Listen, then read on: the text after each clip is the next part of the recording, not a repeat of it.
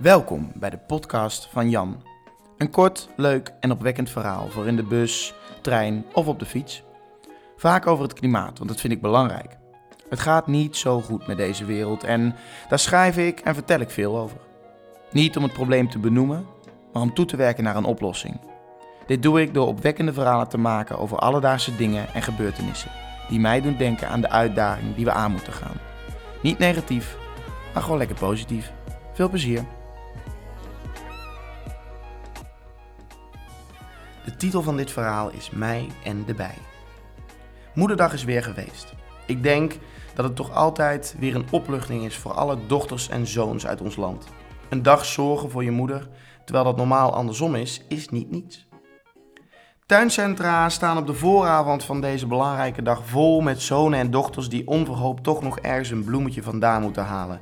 Om niet volledig met lege handen te staan bij het ontbijt op bed van de volgende ochtend. Gelukkig is Moederdag altijd wel ten tijde van mooi weer en een bloeiende, steeds groener wordende natuur. Ik denk overigens dat we voor de meeste vaders in de regio Eindhoven blij moeten zijn dat het geen Vaderdag was door die wanprestatie van PSV. Maar goed, het gaat nu om die bloemetjes en al die lieve moeders. Ik weet niet hoe dat bij jullie werkt, maar zodra de zon schijnt gaat mijn moeder de tuin in. Want dat is dan echt weer eens nodig. Als het klaar is, ziet het er, behalve gore kleding en een tuin vol tuingereedschap, nog praktisch hetzelfde uit. Maar mijn moeder heeft zich vermaakt en daar gaat het om. Volgens mij is een tuin voor velen meer dan alleen een buitenruimte waar je van het lekkere weer kunt genieten.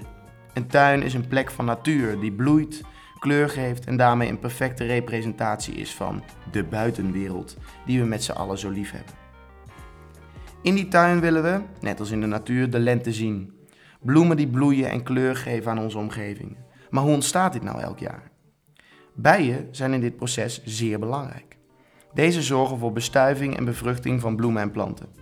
We denken misschien dat bijen alleen honing maken, maar deze diertjes maken veel meer dan dat. 80% van ons fruit bestaat door toedoen van de bij. Zonder bijen geen fruit.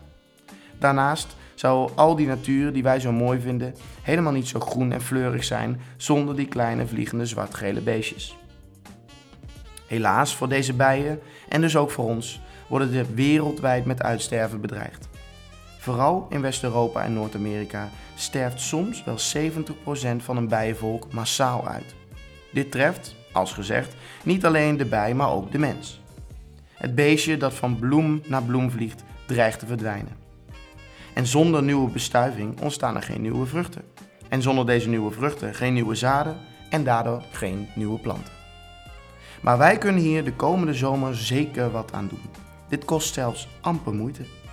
Moederdag was hier een goede start van. Al die wanhopige kinderen die het afgelopen weekend een bloemetje of plantje hebben gekocht voor hun moeder, heel goed. Een tuin of balkon vol bloemen en planten zorgt ervoor dat deze bijen meer nectar, het voedsel van de bij, kunnen vinden. Zo halen we de angel uit het probleem van de bij en blijft de lente groen. Oh, en uw thuis, tuin zelf? Ook die profiteert. Hierdoor kunt u de komende tijd genieten van het mooie weer in de tuin. Een tuin in bloei.